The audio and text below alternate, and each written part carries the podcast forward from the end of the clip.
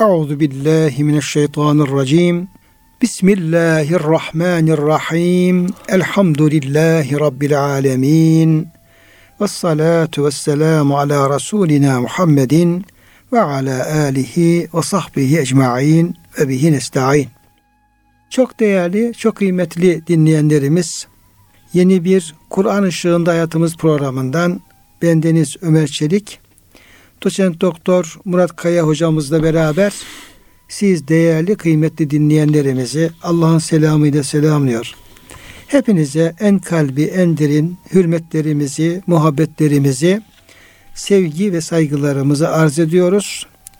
Gününüz mübarek olsun. Cenab-ı Hak gönüllerimizi, yuvalarımızı, işyerlerimizi, dünyamızı, ukmamızı sonsuz rahmetiyle, feyziyle, bereketiyle, lütfuyla, keremiyle doldursun. Kıymetli hocam hoş geldiniz. Hoş bulduk hocam. Afiyettesin inşallah. Elhamdülillah. Allah razı olsun hocam.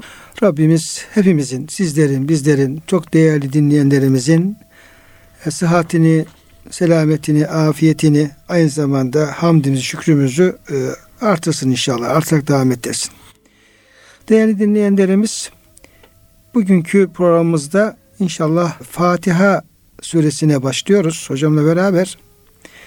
Yani imkanınız varsa siz de bir Kur'an-ı Kerim'den, Mushaf-ı Şerif'ten bir Fatiha'yı açarak oradan hem Mustafa bakarak hem Fatiha suresine bakarak hem oradaki ayetlere bakarak burada kırık düşük de olsa e, konuşacağımız şeyleri takip edebilirsiniz.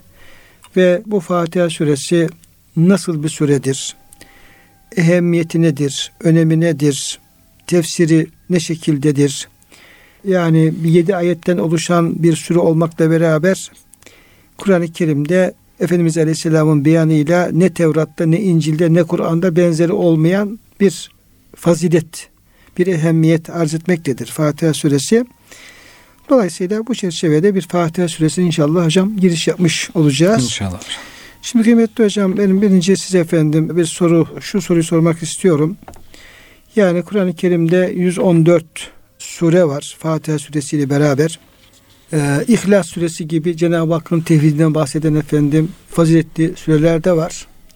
Küçüktü büyüktü böyle süreler var. Ama bu Kur'an-ı Kerim e, Mustafa olarak tertip edilirken tabii ki Efendimiz Aleyhisselam'ın işaretiyle yani vahyin e, öncülüğünde Hazreti Osman Efendimiz ve belirlemiş olduğu komisyon e, Mustafa Şerif'in birinci tarafına Suratül Fatiha Fatiha suresini oraya koymuşlar. Evet. Bu surenin buraya konmasının her bakımdan bir ehemmiyeti, bir hikmeti olması gerekiyor. Evet. Neler söyleyebiliriz? Niçin Fatiha, niçin efendim Kur'an-ı Kerim'in ilk suresi Fatiha suresi olmuştur?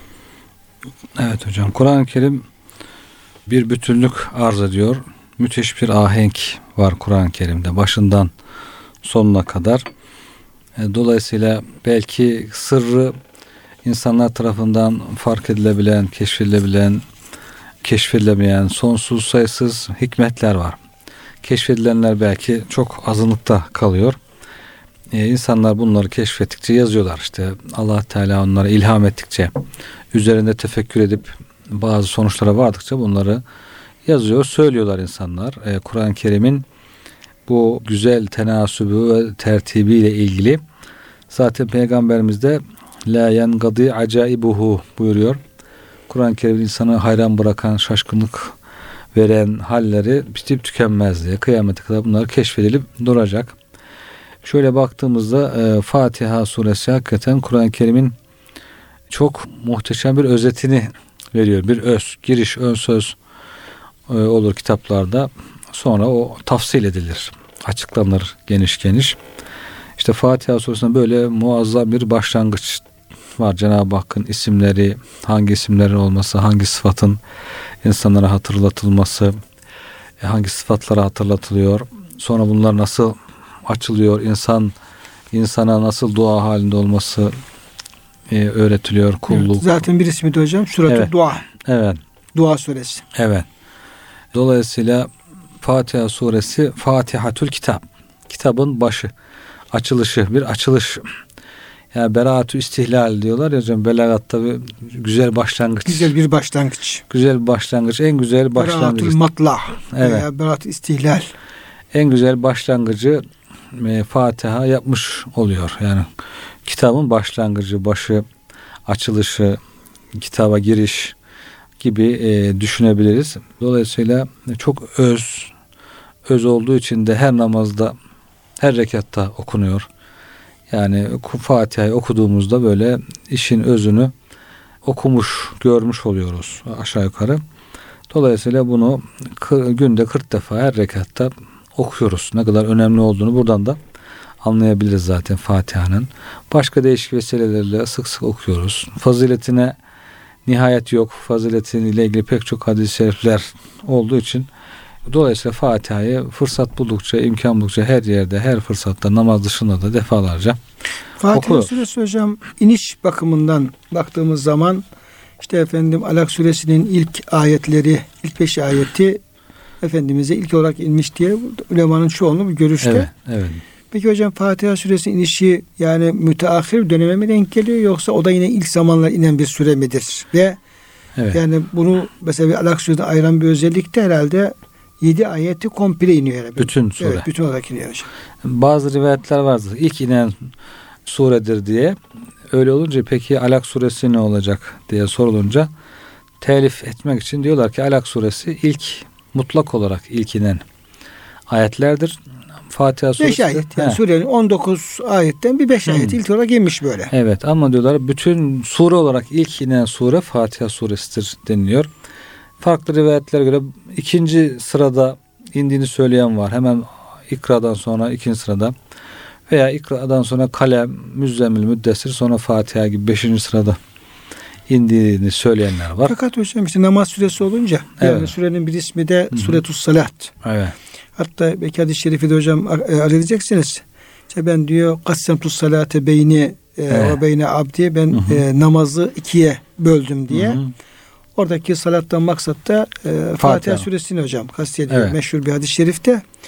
Şimdi böyle olunca bir de yine rivayetlere baktığımız zaman namaz ibadeti de çok erken dönemlerde Evet. başlıyor. Hı hı. Yani Efendimiz Aleyhisselam'a peygamberlik verilmesiyle birlikte Hemen e, başlıyor. namaz ibadetinin başladığını görüyoruz. İşte Efe- Efendimiz buyuruyor Cebrail Aleyhisselam bana geldi diyor. Abdest öğretti diyor. Gusül Evet. öğretti diyor. E, sonra namaz kılmasını öğretti diyor ve ben diyor biz namaz kılmaya başladık diyor hocam o şekilde. Dolayısıyla namazda da okunan süre olduğuna göre bunun biraz öncelikli Evet e, inmiş olması da oradan çıkarılabilir herhalde. Tabii tabii hocam. Yani belki ikra Allah oku diye vahiy açılış yapıldıysa belki ikinci vahiy diyenlerinki daha kuvvetli olabilir hocam. Evet. İkinci vahiy ile Fatiha öğretilip üçüncü vahiy ile de zaten e, belki e, kalem de iki olabilir. Üçüncü Fatiha olsa dördüncü de kum fe enzir. E, kum, kumil leyle illa kalile. Tabii. Yani gece ibadeti. Gece ibadeti. Gece kalk namaz kıl geliyor zaten hocam. Dolayısıyla bir ikra'la okumak, kalemle yazmak arkasından da Fatiha geldikten sonra namaza başlanmış oluyor yani. Gece namazları başlamış oluyor. Dolayısıyla buyurduğunuz gibi hocam ilk zamanlarda olması şey kuvvetle muhtemel yani öyle anlaşılıyor. Şimdi hocam demin de arz ettiniz. Ee, yani Fatiha suresinin Mushaf-ı Şerif'in başına konması, ilk sure olması e, hem Fatiha suresinin faziletinden kaynaklanıyor. Bir de yani yüce kitabımızın çok böyle e, anlamlı, çok hikmetli bir hülasasını, bir özetini ifade etmesi Evet. açısından da Evet. efendim isabetli olduğu hocam söyleniyor. Bununla ilgili eğer müsaadeniz olursa yani hangi yönlerden Kur'an-ı Kerim'in bir hülasası olmuş bu Fatiha? İki türlü yaklaşım var. Farklı yaklaşım var ama iki tane arz etmek istiyorum. Şimdi bir açıdan baktığımız zaman Kur'an-ı Kerim'in bütün muhtevasını yani Fatiha'dan Nas'a kadar oradaki bütün ayetler, bütün efendim anlatılanlar bunlara baktığımız zaman bunları ilim, iman ve amel şeklinde üçlü bir çerçeve içerisine koyabiliriz. Yani ilim, efendim işte gerçekleri bilmek, iman bu gerçeklere iman etmek, inanmak, üçüncüsü de bunu amel etmek. Şimdi ilim Kur'an'ın bir vasfı olarak onun verdiği her tür bilgi için geçerlidir. Evet. Dolayısıyla bütün Kur'an-ı Kerim ayetleri bir ilim olduğu gibi, bir bilgi bize aktardığı hı hı. gibi zaten Fatiha suresi de yine Kur'an-ı Kerim'in bir parçası olarak o da bir bize önemli bilgiler aktarıyor. Gerek Cenab-ı Hakk'ın tevhidiyle ilgili olarak, sıfatla ilgili olarak, gerek kulluklarla ilgili olarak. Dolayısıyla ilim bakımından bir Kur'an-ı Kerim'in hülasası sayabiliriz. Evet hocam. İkinci sırada iman geliyor. Bilinip inanılması gereken hususlar. Yani öğreneceğiz. Sonra da efendim bunlara iman edeceğiz. Bunlar e, dile getiriliyor. Bunlar da işte Allah'ın varlığı, birliği, uluhiyet, nübüvvet, peygamberlere iman, ahiret, kaze ile kaderin Allah'tan olması gibi gaybi hususlar, öğütler, misaller, hikmetler ve kıssalar gibi diğer konulardır. Buna da e, hem orada Kur'an-ı Kerim'in verdiği bu bilgilerin e, doğruluğuna inan, şey yapıp kabul edip inanmak. Fatiha'da zaten hocam bunlara gerek efendim uluhiyete, gerek nübüvvete, gerek de efendim ahirete inanılması gereken hususlara yer veriliyor yani kıssalara. Evet. E, öğütler, hikmetler veriliyor. Üçüncü olarak da bilinip amel edilmesi gerekenler bunlar ise gözetilmesi gereken ibadet, muamelat ve ahlaki mevzulardır. Orada da İyyâke nâvdu İyyâke nesta'in yalnız sana kulluk ederiz, yardım gideriz. Cenab-ı Hak'tan doğru yolu talep etme, dua. Bütün bunları ibadeti hocam e, evet. etmiş oluyor. Dolayısıyla bu açıdan Fatiha'nın bu üç açıdan ilim, iman ve e, amel bakımından bütün Kur'an-ı Kerim'i çok e, güzel bir şekilde hülasa ettiğini görebiliyoruz. Bir diğer değerlendirme var bu açıdan. Kur'an-ı Kerim'in gerçekleşmek istediği maksatları ihtiva ettiğini görüyoruz. Fatiha suresinin o da nedir? Bu maksatlar tevhid, Allah'ın birliği, nübüvvet, ahiret, ibadet, adalet ve geçmişten ibret alma. Çok önemli bir hedefler bunlar. Yani Kur'an-ı Kerim hakikaten ayetleri böyle bir hangi maksatta bu ayetler inmiştir diye böyle bir toparladığımız zaman bir yani maddeleştirmek istediğimiz zaman orada tevhidin birinci sırada geldiğini görüyoruz.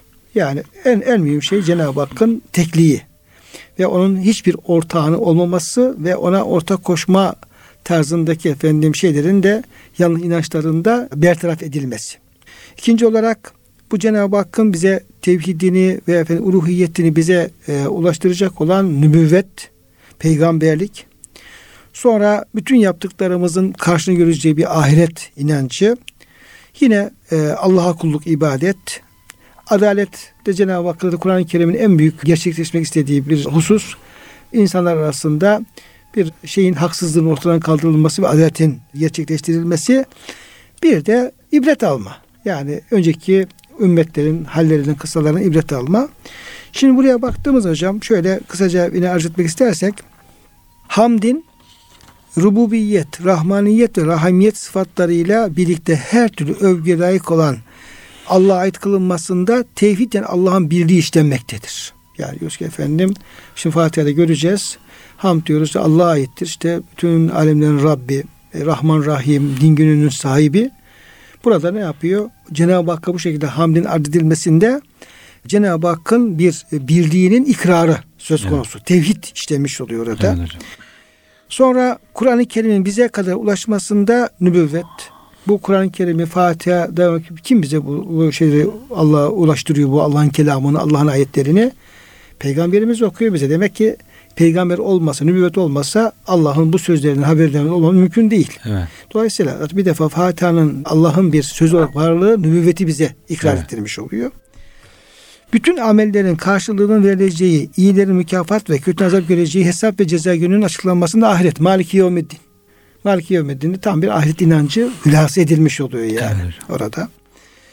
Yalnızca Allah'a kulluk ve sadece ondan yardım talebinde ibadet. İyyâke nâbdu iyyâke nestaîn.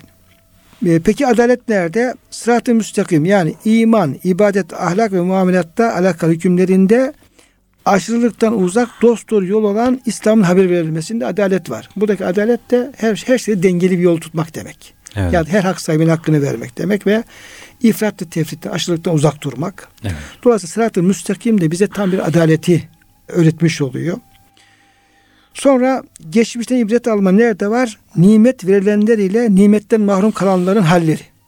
Yani en'amte aleyhim nimet verilenler bir de gadaba uğrayanlar var, sapanlar var. Dolayısıyla nimet verilenler ve bundan mahrum kalanların da hallerinden ibret almada yine burada ne yapmış oluyor bizim dikkatlerimize sunulmuş oluyor. Yine farklı açılardan böyle yaklaşım söz konusu olabilir. Yani bu açıdan baktığımız zaman 7 ayet gibi kısa bir sürenin pek çok yönden Kur'an-ı Kerim'in böyle özetini, hülasasını Evet. bize aktardığını hocam görmüş oluyoruz hocam.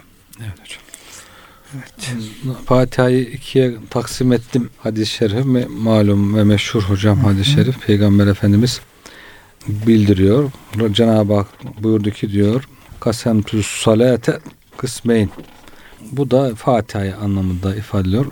Daha önce hiçbir peygambere indirmediği derecede önemli bir sure olduğu da ifade ediliyor bu hadisin başında. Fatihatül Kitap yarısı benim yarısı kulumun diyor. Bir ayet benim, bir ayet onların. Kul Bismillahirrahmanirrahim dediği zaman Cenab-ı Hak kulum bana iki önemli ismimle dua etti. Biri diğerinden daha incedir. Rahma, rahme yani rakik, rikkat. Rikkat ifade eder, merhamet ifade eder diye. Bunların rahim olan daha erak, daha e, rikkatlidir diyor. İkisi de merhamette. Geçen programda ifade ettiğiniz gibi hocam. Besmele'yi şey yaparken hocam Besmele'de ifade ettiğimiz gibi e, birisinin sonsuz bir merhamet ifade etmesi, diğerinin kalıbının işte o merhametin kullara ulaşmasını ifade, İfade etmesi. etmesi. Birisi çokluk, birisi de yayılma, yayılmayı ifade ediyor. Kul, kul elhamdülillah dediği zaman Allah Teala şekerani abdi ve hamedeni buyurur. Allah Teala'nın en çok hoşlandığı söz elhamdülillah'tır diye hadis-i şerifte var. Bak başka hadisler hocam. Cenab-ı Hak gerçekten kemal sahibi, gerçekten yüceler yücesi bir zat ve bu kulları tarafından tanındı, tanınmak Cenab-ı Hakk'ı memnun ediyor, razı ediyor. Marifetullah dediğimiz kul Rabbini tanırsa ona hamd ediyor. Elhamdülillah diyor. Cenab-ı Hakk'ın en çok sevdiği, mizan dolduran zikirlerden birisi bu elhamdülillah. Dolayısıyla elhamdülillah böyle manasını hissederek, bilerek, farkında olarak bir elhamdülillah böyle derinden, gönülden söylediğimiz zaman hakikaten yerleri gökleri dolduracak bir zikir olduğu anlaşılıyor. Cenab-ı Hak da kulum beni e, bana şükretti, bana hamd etti der diyor. Kul Rabbil Alemin dediği zaman allah Teala şehide abdi enni Rabbul Alemin. Kulum benim alemlerin Rabbi olduğuma şahitlik etti. Alemlerin Rabbi insanların, cinlerin, meleklerin ve bütün artık bildiğimiz, bilmediğimiz bütün mahlukatın Rabbi. Yani alemin deyince hakikaten böyle aklımızın, hayalimizin almayacağı bir genişlik. Hepsinin Rabbi, hepsinin sahibi, hepsini var eden, büyüten, besleyen, ayakta tutan çok geniş anlamlı. Er-Rahmanir-Rahim dediği zaman kul meccedeni abdi kulum beni övdü, methetti, yüceltti. yüceltti, Rahman ve Rahim sıfatlarımı bildi ve onları tekrar etti der diyor Cenab-ı Hak. Melki yevmiddin yani hesap gününün sahibi Allah'dır dediğimiz zaman Allah Teala şehide abdi ennehu la malikel yevmil hisab ahadun gayri. Hesap gününün benden başka sahibi olmadığını kulum e, ifade etti, buna şahitlik etti der diyor. Ve beni fakat esna aleyye abdi der diyor aynı zamanda. İyyâke na'budu dediği zaman yani sadece Allah'a ibadet ederim, onu tevhid ederim. İbadette tevhid manası olduğu söyleniyor hocam. Yani sadece Allah'a ibadet ederim ve onu tevhid ederim. Onun bir olduğunu. Çünkü ibadeti layık e, varlık zaten tektir. Tek olmayan varlık çift olan e, veya daha çok olan e, varlıklar mutlaka tek bir varlığın hükmü altında olmak zorunda. Yani çift varlık olup da böyle hiçbir şeyin hükmü altında olmayan bir varlık düşünülemez zaten. Bir şey çiftse bir şeyde şirk varsa, ortaklık varsa onda noksanlık var demektir. Mutlaka onun bir üstü var demektir. Başka üstü olmayan tek varlık ancak Allah Teala'dır. Ondan ötesi yoktur. Ondan aşağıdakilerin hepsinin bir bağlı olduğu, daha ondan daha kuvvetli olan bir varlık var. Dolayısıyla ibadette ancak tek olan o varlığa olur. Onun dışındakilere ibadet olmayacağı için Allah'a ibadet ederim demek, onun bir olduğunu da kabul ederim anlamına geliyor zaten dolaylı olarak. Ve iyyâke nesta'in dediğinde diyor Allah Teala bu da diyor kulumla benim aramda. Yardım isterim e, diyor kul. Allah Teala kulumla benim aramda. Kulum bana ibadet ediyor ve benden yardım istiyor. Dolayısıyla bu ibadet bana, yardım da ona. Yani kul Allah'a ibadet ederse Allah da ona yardım, yardım eder. Böyle bir ikiye bölünmüş. Bu ayet kerime ikiye bölünmüş. Şimdi buraya kadar sadece Allah'a mahsus olan övgüler burada ikiye bölünüyor. Bundan sonrası da kula ait. Kula ait, kula ait oluyor. E, dolayısıyla hâzâ beyni ve beyni abdi iyyâye ya'budu fehâzihi li. Kulum diyor. Sadece bana kulluk ediyor. Bu benim için. Ve iyyâye esta'in benden yardım istiyor. Fehâzihi lehu. Bu da ona aittir. Bu da bir müjde. Büyük bir müjde tabii ki hocam. Dolayısıyla Allah'ın yardımının geleceğine bir delalet. Yani biz eğer kulluk edersek yardım da mutlaka Tabii gelecektir. İşte ayet-i kerimede hocam sabır ve namazla evet. veya oruçta Allah'tan yardım isteyin. Yani evet. ibadet yapın. Allah kulluk yapın ki Allah da size yardım etsin. Allah'ı anın ki Allah size ansın. Evet. Ve li abdi ba'deme se'ale. Bundan sonrası da diyor Rabbim, kulumun istediği şeyler ona verilecektir. O da müjde yani buraya kadar kul Rabbine hamd etti. Onun Rahman ve Rahim olduğunu söyledi. Maliki Yevmiddin olduğunu söyledi. Sadece ona ibadet edeceğini söyledi ve yaptı. Sadece ondan yardım istedi. Dolayısıyla bundan sonrası artık Allah Teala isteklerini veriyor. İhtinas sıratal müstakim. Allah'ım en önemli istek demek hocam burada. Öncelikle bir Allah'ım bize bir doğru yolu göster. Yolumuz doğru olsun. Yani doğru yola girmedikten sonra hiçbir yere ulaşmak mümkün değil. Doğru yol üzerinde yürürse insan bu diğer nimetlerin hepsi o yol üzerine serpiştirilmiş. Onları toplar gider. Önemli olan doğru yola çıkabilmek. Ama ters yola girerse hem e, hedefinden uzaklaşır hem çeşitli sıkıntılar çeker. Yani mesela otobana ters girmiş bir adam gibi. Evet. E, hem e, sıkıntılarla işte gider birisi gelir çarpar belki birisi gelir kaza yapar. Ulaşması mümkün olmaz. Sıkıntılar bitmez. Bir şey elde edemez ters gittiği için. Dolayısıyla ilk istenecek şey ihtina sırata müstakim. Din İslam, İslam yani bizi İslam üzere kıl anlamında doğru yol üzere. Yani bu mustakim, sırat-ı müstakim dünyadaki doğru yol ahiretteki sırata çıkan yol. O yolla bağlantılı yani. Bu yolda yürüyen insanlar orada sıratı rahatlıkla geçip cennete ulaşacaklar. Ama bu yolda doğru yürüyemeyenler Tabi o sıratı bulamayınca sırattan aşağı cehennem kısmına geçmiş oluyor. Sıratallezine enamte aleyhim nimet verdiklerinin yoluna. Bu da çok öz bir şey. Allah'ın nimet verdikleri peygamberler, sıddıklar, şehitler ve salihler. Peygamberlerin yolu Sıddık, Hazreti Bekir gibi salih müminlerin peygamberimiz ve diğer peygamberlere tabi olan işte Hazreti İsa'nın havarileri gibi, diğer peygamberlerin havarileri gibi insanlar, salihler, şehitler, Allah yolunda cihad edenler, sonra da salih insanlar, Allah dostları. Bunu hakikaten bunlar bizim için çok önem arz ediyor demek ki bunların yolunu istiyoruz. O zaman bunların yolunu tanımak lazım. Bunların yolunu tanımak için bir peygamberler, Kur'an-ı Kerim'de anlatılan peygamberleri, peygamberler tarihini okumak gerekiyor. Peygamberler tarihi dersi biraz zayıf kalıyor. Pek dikkate alınmıyor belki okullarımızda, imam hatiplerde, Kur'an kurslarında. Bu peygamberler tarihi derslerini kuvvetlendirmek, artırmak lazım ki bu Fatiha'nın bir mesajı yani. Mesajı hocam. Onların yolunu istiyoruz. Peki onların istediği yolunu nasıl gideceğiz? Şimdi soruyorlar yani. Diyorlar ki bazıları var e, çok iyi bilmediği için sırat-ı müstakimine taviz veriyor. Bazıları var sırat-ı müstakimi doğru anlamadığı için çok şiddetli, katı davranıyor. Yani yasak olmayan şey yasak diyor. Her şeye şirk diyor, küfür diyor. Bunun ortasını nasıl bulacağız diye hocam. Soruluyor yani. Bunun ortasını bulmak o yolu iyi tanımak demektir. İyi tanırsa ne ifrata kaçar ne tefrite düşer.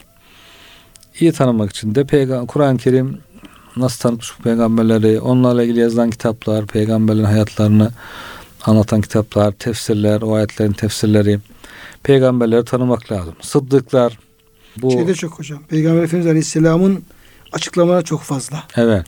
Yani Kur'an-ı Kerim'de peygamber kıssaları var. Orada Evet. peygamberler efendilerin yolu, yolu çok güzel şekilde Hı hı. anlatılıyor. Onların güzel ahlakları, Hı hı. cihatları, ibadetleri, ihlasları, güzel kullukları anlatılıyor.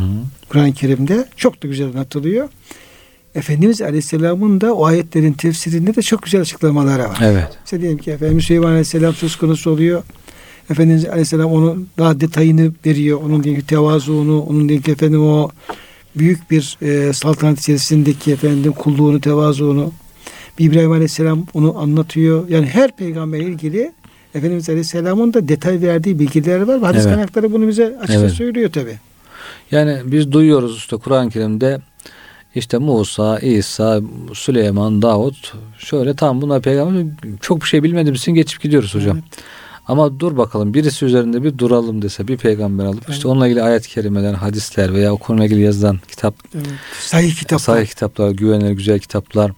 Bunları okumaya başladıkça yani gözünde büyüyor hocam. Diyorsun Tabii Allah ki. Allah bu peygamber yıllardır ismini duyuyorum ama ben böyle Evet. yakından bir merceğe almamıştım.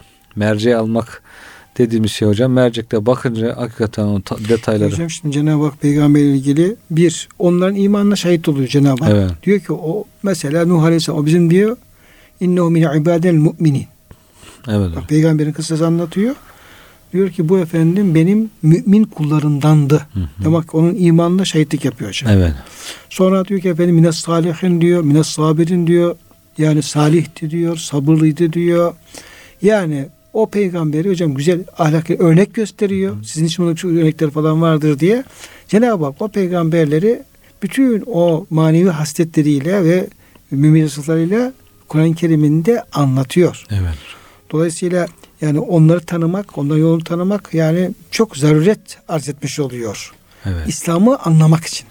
Hakikaten o ayetlere, hadislere bakıldığında o peygamberin gönül dünyasına girme imkanı buluyor insan. Ya bu gönül nasıl Allah'a bağlı? Allah'ı nasıl seviyor? Nasıl Cenab-ı Hak yolunda fedakarlık yapıyor? Nasıl ona kulluk ediyor? Nasıl ona yana yakıla dua ediyor? Bunları gördükçe insan bir ürperiyor.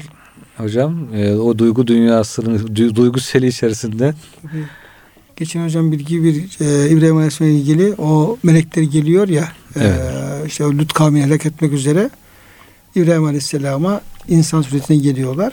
İbrahim Aleyhisselam işte onları hemen yemek hazırlıyor. Diyor ki İbrahim Aleyhisselam tam yedi gündür diyor aç bekli yemeden bekliyordu. Bir misafir gelsin de efendim beraber sofraya oturayım diye. evet. Onlar diyor gelince diyor İbrahim Aleyhisselam çok sevindi diyor. Hemen diyor o vesileyle hemen diyor onlara bir dana kebap hazırlayıp getirdi. Evet hocam dana kebap yani. Hem Evet, evet. taze bir danayı kesip Bir de işte misafirsiz oturmuyor yani. Evet. Yani hazır misafirler yokken ben şu danayı bir keseyim kendim oturup yiyeyim diye mesela Evet. demiyor. Evet. Bu güzel kaynaklar bu bilgiyi bize veriyor. evet. Yani bütün halleri böyle ibret verici hocam. Hakikaten. Ve hayran bırakıcı Evet. o peygamberlerin. Dolayısıyla o peygamberlerin yolundan gitmeyi istiyorsa hocam her namazda, her Fatiha okuyuşta demek ki onların yolunu bir tanımak lazım.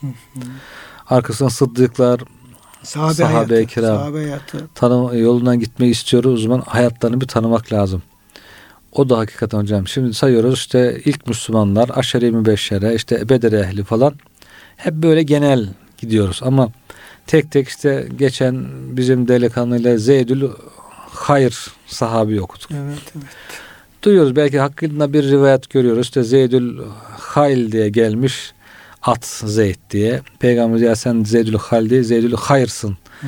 de ismini değiştirmiş. Bu kadar yani böyle az bir bilgi var hakkında ama bir okuyunca ya bu hayatı nedir işte nasıl Müslüman olmuş Müslüman olursa ne yapmış falan diye böyle gözleri yaşarıyor insanın. Diyorsun ki Allah Allah bu sahabeyi yine merceğe alınca hocam onun o duygu dünyası, gönül alemi, imanı, ibadeti, fedakarlığı, cihadı bunlar hepsi bize örnek oluyor. Tek tek belki sahabi hayatlarıyla ilgili e, okumalar, çalışmalar, belki sahabe film alınması, işte Hazreti Ömer'in hayatıyla ilgili mesela 30-40 bölümlük bir film yapıldı. Çok güzel.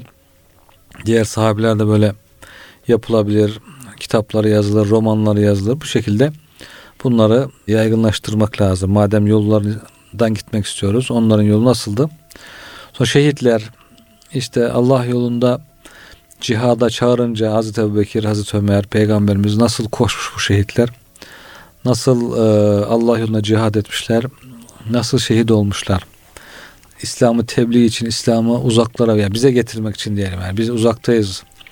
Medine'den kalkıp İslam'ı bize getirmek için nasıl cihad etmişler bu sahabiler. İşte Musab bin Umeyr çok meşhur bir sahabi. Peygamberimiz işte tebliğ için gönderiyor Mekke'ye. Mekke, Medine'ye. Medine'ye hazırlıyor. Efendimiz geliyor. Daha bir sene geçiyor da Efendimiz'e şöyle güzel bir doymadan doymadan ertesi sene şehit oluyor hemen. Uhud'da şehit oluyor. Hemen şehit oluyor mesela. Bunun gibi işte Esad bin Zürare o kadar Medine'nin İslamlaşması için gayret ediyor. Evini açıyor. Musab bin Umeyr'e yardımcı oluyor. Gencecik 21 yaşında daha Efendimiz geliyor. 3-5 ay sonra o da vefat ediyor böyle Allah yolunda bir hastalıktan şehit oluyor o da. Bunun gibi şehitler şehitlerin hayatı da hakikaten belki onlar bu dünyadan çekip gidiyorlar. Aldırmıyorlar bu dünyaya. Bu dünyada ismi kalsa da olur, kalmasa da Var olur. mı hocam böyle mesela Be- Bedir şehitle ilgili olarak özel bir kitap çalışması hocam hatırlıyor musunuz? Yani Bedir şehitleri 14 tane şehit var Bedir'de. evet Ashab-ı Bedir diye bölümler var ama kitap İşte hocam, müstakil bir bir kitap olarak. kitap yapmanız hocam. Yani kaç Evet. tane Bedir savaşı olmuş, kaç tane Bedir şehiti olmuş hocam. Yani, Evet. yani hakikaten yani Evet. şeyi o Bedir şehitleri, o 14 şehit hocam Hı hı. özel Evet. Bir böyle çalışması yapıp böyle anlatmak lazım hocam. Evet. Bunlar efendim bütün İslam, dünyanın İslamlaşması için hocam Evet hocam. şehit olmuşlar. Yani Bedir şehitleri, Uhud şehitleri. Uhud şehitleri, diğer şehitlerle ilgili hakikaten dediğiniz gibi hocam Evet, gerek e, böyle bölüm bölüm gerek tek tek evet. onların hayatı yazılmalı ki örnek olsun. Örnek olsun. Bir kitaba rastladım çok hoşuma gitti duygulandım da hocam. Süheyl Ünver Hı hı. bu ordinarius profesörü Süheyl Ünver bir kitap hazırlamış hocam. İstanbul'daki Niyamel Ceyşler Hmm. diye. İşte tek tek kabirlerini bulmuş, fotoğraflarını çekmiş. Diyor Kaç hocam kaç e, Leonel Ceş'ten bahsediyor? Şimdi unuttum hocam o epey oldu inceleyeli kitabı. Hmm. Ama sayısı Ama diyor- kabarıktır yani. He kabarık. Şurada da diyor bir Niyemel Ceyş var. Şurada üç tane Niyemel Ceyş var. Şimdi Niyemel Ceyş belki nedir diye soranlar olur. Hı. Hadis-i şerifte işte İstanbul mutlaka fethedilecektir. Onu fetheden komutan ne güzel komutandır. Onu fetheden asker Ni'mel emiru emir, Emiru. emiruha ve ni'mel ceyşu ceyşu dalikel Ceyş. ceyş. Niyemel Ceyş demek ne güzel ordu manasında. Ne güzel ordu. Böyle bir isim vermiş. Bunu bir isim gibi kullanıyor. Diyor ki şurada da bir Niyemel Ceyş var. Ne güzel asker. Peygamberimizin müjde verdiği bir asker var diyerek onları tek tek tespit etmiş hocam. İsimlerini veya isim yoksa isimsiz bir Niyemel Ceyş var diyor falan. Böyle türbelerini, mezarlarını falan tespit etmiş. Ama belki hayatlarla ilgili bir bilgi çok az. Bunlar bulunsa mesela arşivlerden falan bulunsa insanlar için nasıl örnek olur? Nasıl bu bıraktı geldi ailesini, çoluk çocuğunu, evladını geldi burada surlarda İstanbul'u fethetmek için şehit oldu. Onların buna ihtiyacı yok. Onlar diyor ki biz zaten ballar balını bulduk. Kovanım yağma olsun. Hocam gitmişler zaten cennetlere kavuşmuşlar.